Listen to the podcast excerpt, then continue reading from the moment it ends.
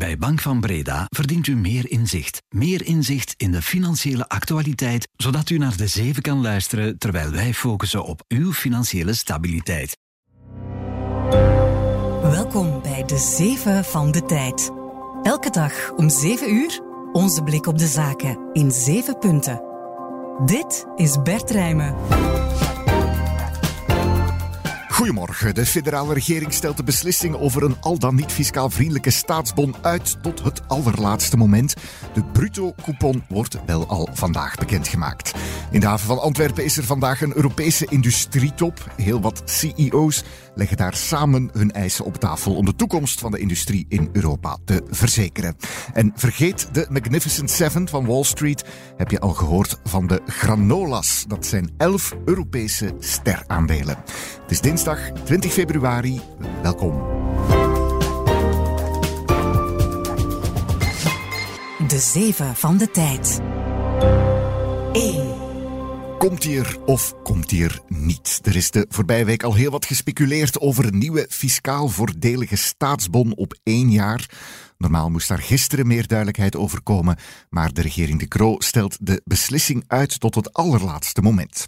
Morgen zal de kern bepalen of beleggers gewoon 30% roerende voorheffing moeten betalen, of ze kunnen profiteren van het verlaagde tarief van 15%, zoals in september, toen de bon een gigantisch succes was. Vanaf overmorgen kan je inschrijven dan op die staatsbon. Tijdcollega Dieter Dujardin van onze politieke redactie. Goedemorgen. Goedemorgen Bert.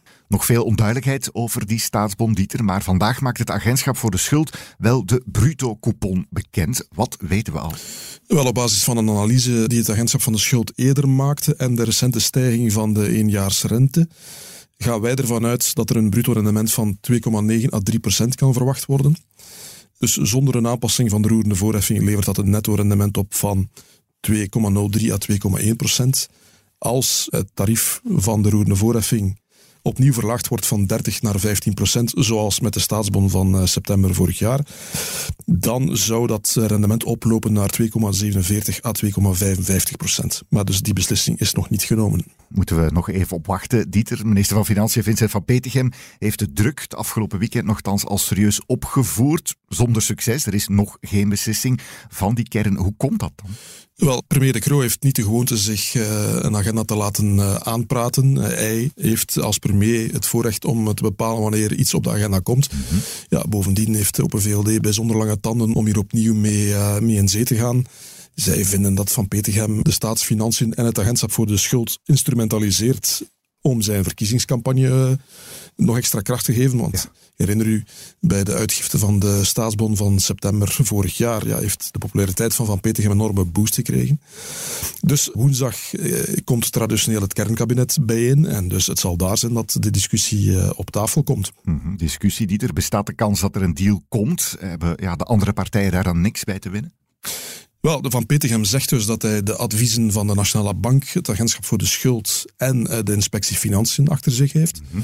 Dus uh, hij zegt dat het negatief advies is van Alexia Bertrand, dat zij dat zelf heeft geschreven en uh, dat dit haak staat ja, op wat de experts zeggen. De voorbije weken hoorde je zo het geluid van ja, het valt niet uit te sluiten dat er een grote deal wordt gemaakt waarin dat die uh, verlaagde roerende voorheffing wordt gekoppeld aan eisen van andere partijen. Voor het de PS wil iets doen aan de getrouwheidspremie. Uh, vooruit wil dat automatisch de goedkoopste spaarrekening wordt aangeboden. Uh, Ecolo wil dat het geld van de staatsbond wordt gebruikt om de transitie te financieren. Maar ik weet niet of de VLD nog terug kan. en de VLD en CD&V hebben zich tamelijk heftig gepositioneerd. De voorbije ja. dagen ging het er erg bits aan toe. Van Petegem zei op VTM-nieuws bijna letterlijk dat Alexa Bertrand in de zak van de banken zit. Dus het is maar de vraag of die nog terug kunnen. Het zal woensdag moeten blijken. Dat is toch weer politieke hoogspanning op die manier. Dankjewel, Dieter. Graag gedaan. 2.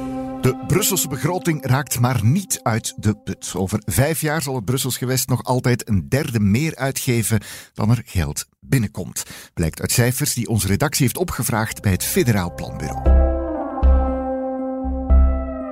Van alle deelstaten blijft Brussel budgetair het grote zorgenkind.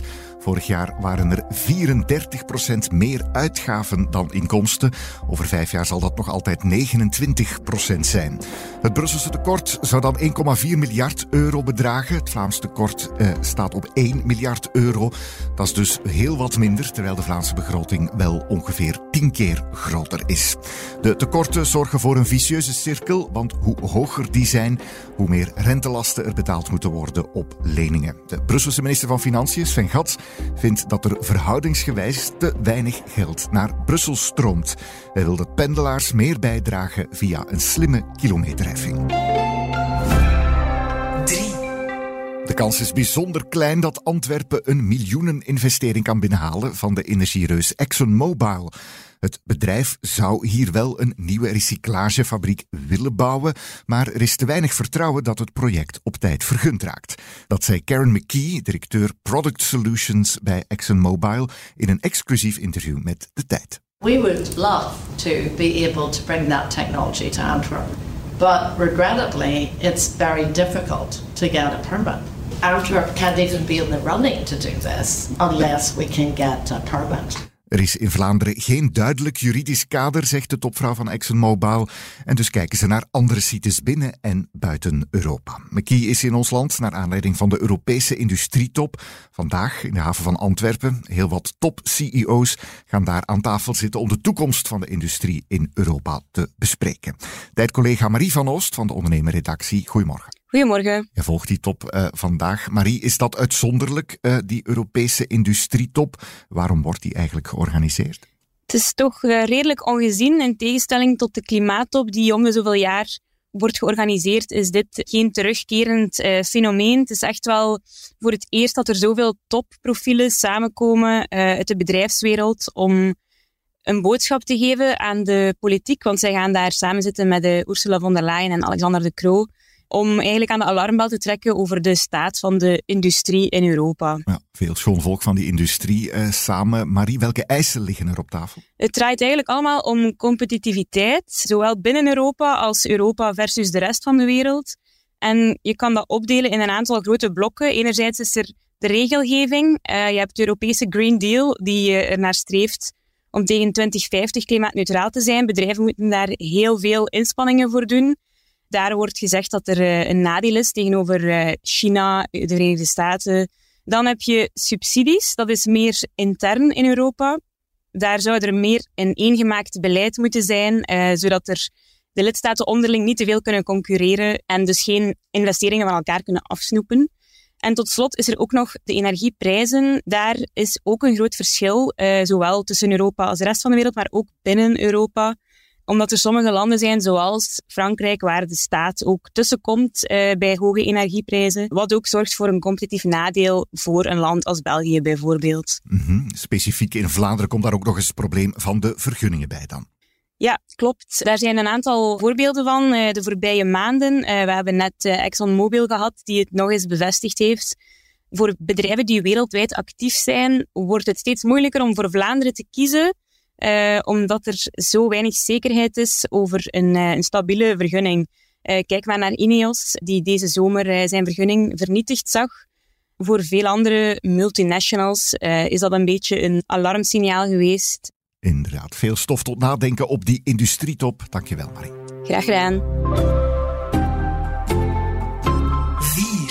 175 jaar gevangenisstraf. Dat is wat klokkenluider Julian Assange, de oprichter van Wikileaks, boven het hoofd hangt als hij wordt uitgeleverd aan Amerika.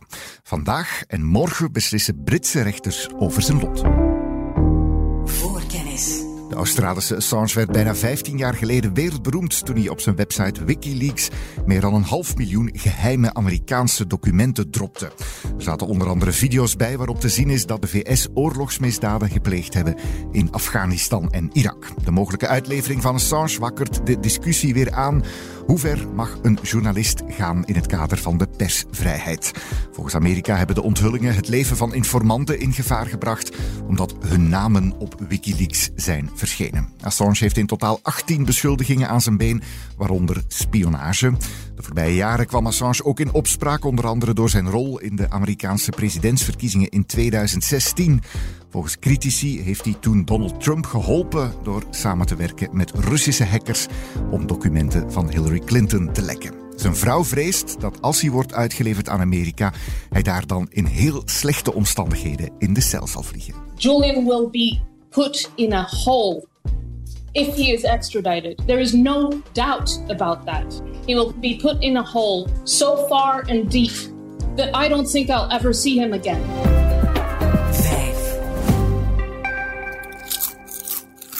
Crunchy granola, dat is blijkbaar het favoriete ontbijt van veel beleggers.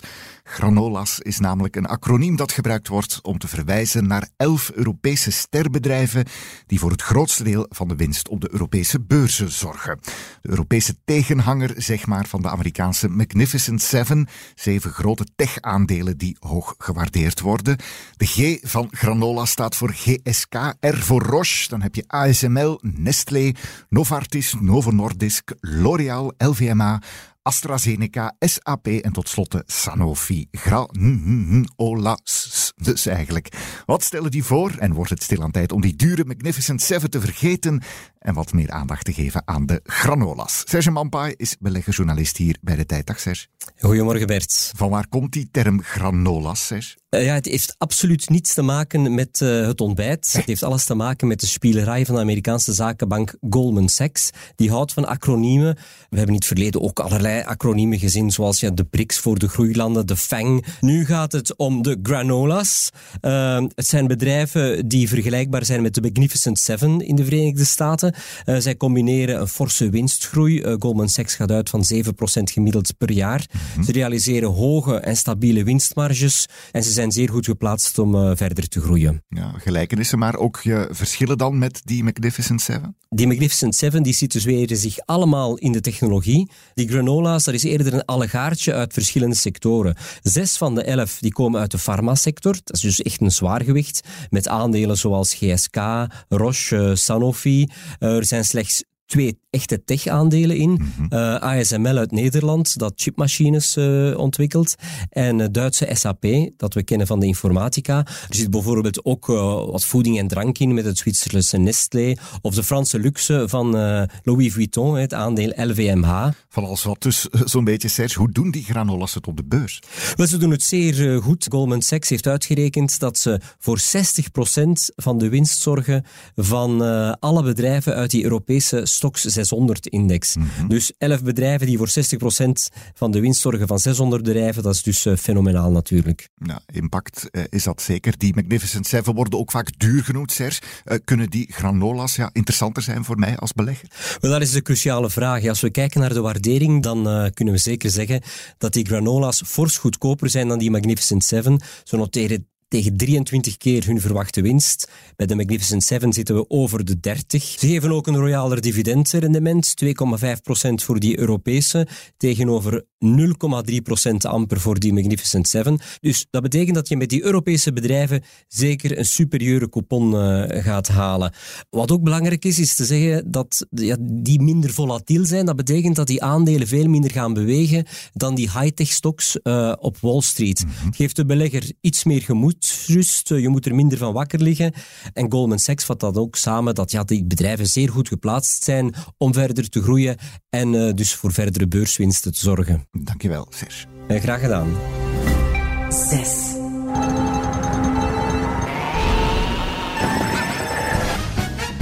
En daar gaat Super Mario in zijn racewagen. Mario Kart 8 Deluxe is een van de populairste spelletjes op de Nintendo Switch.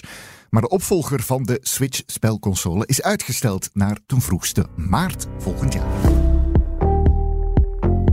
De Switch bestaat al zeven jaar en is toch vrij lang in Gameland. Maar de Japanse spelconsolebouwer Nintendo liet weten dat een opvolger ook niet meer voor dit jaar is. Het nieuws heeft het aandeel meteen bijna 9% doen zakken.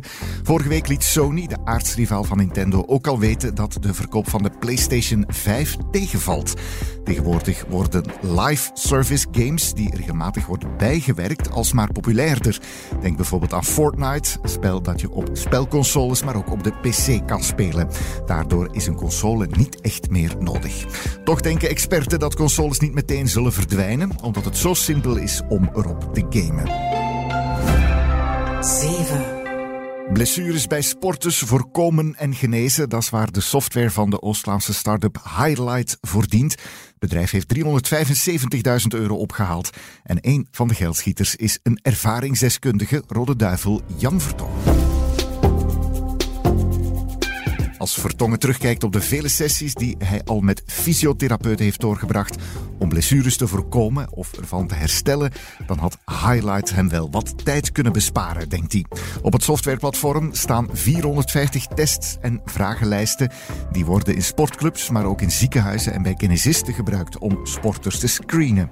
Op basis van die data kunnen professionals dan een trainingsschema op maat maken.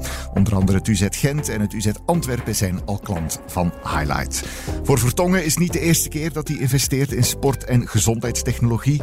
In december heeft hij bijvoorbeeld nog geld gestopt in Raw Stadia, een Limburgs bedrijf dat de gegevens van atleten koppelt aan data over de grasmat. Hoe lang Vertongen zelf nog op het veld zal staan, dat weten we niet. Maar op zijn 36e lijkt hij toch al goed bezig te zijn, ook met zijn pensioenplannen. Daarmee zit deze de 7 er weer op. Voor nu alvast een fijne dag en tot morgen. Dit was De Zeven met Bert Rijmen. Productie door Lara Droesaert van op de redactie van De Tijd. Geboeid door wat je hoort in deze podcast? Neem dan een abonnement op De Tijd voor nog meer scherpe journalistiek en het laatste businessnieuws. Meer op abonnement.tijd.be. Morgen zijn we er weer. Tot dan.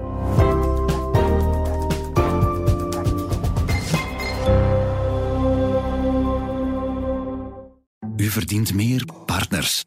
U verdient meer zakenpartners. U verdient meer zakenpartners, zoals Bank van Breda. Zodat u echt tijd kan maken voor uw levenspartner.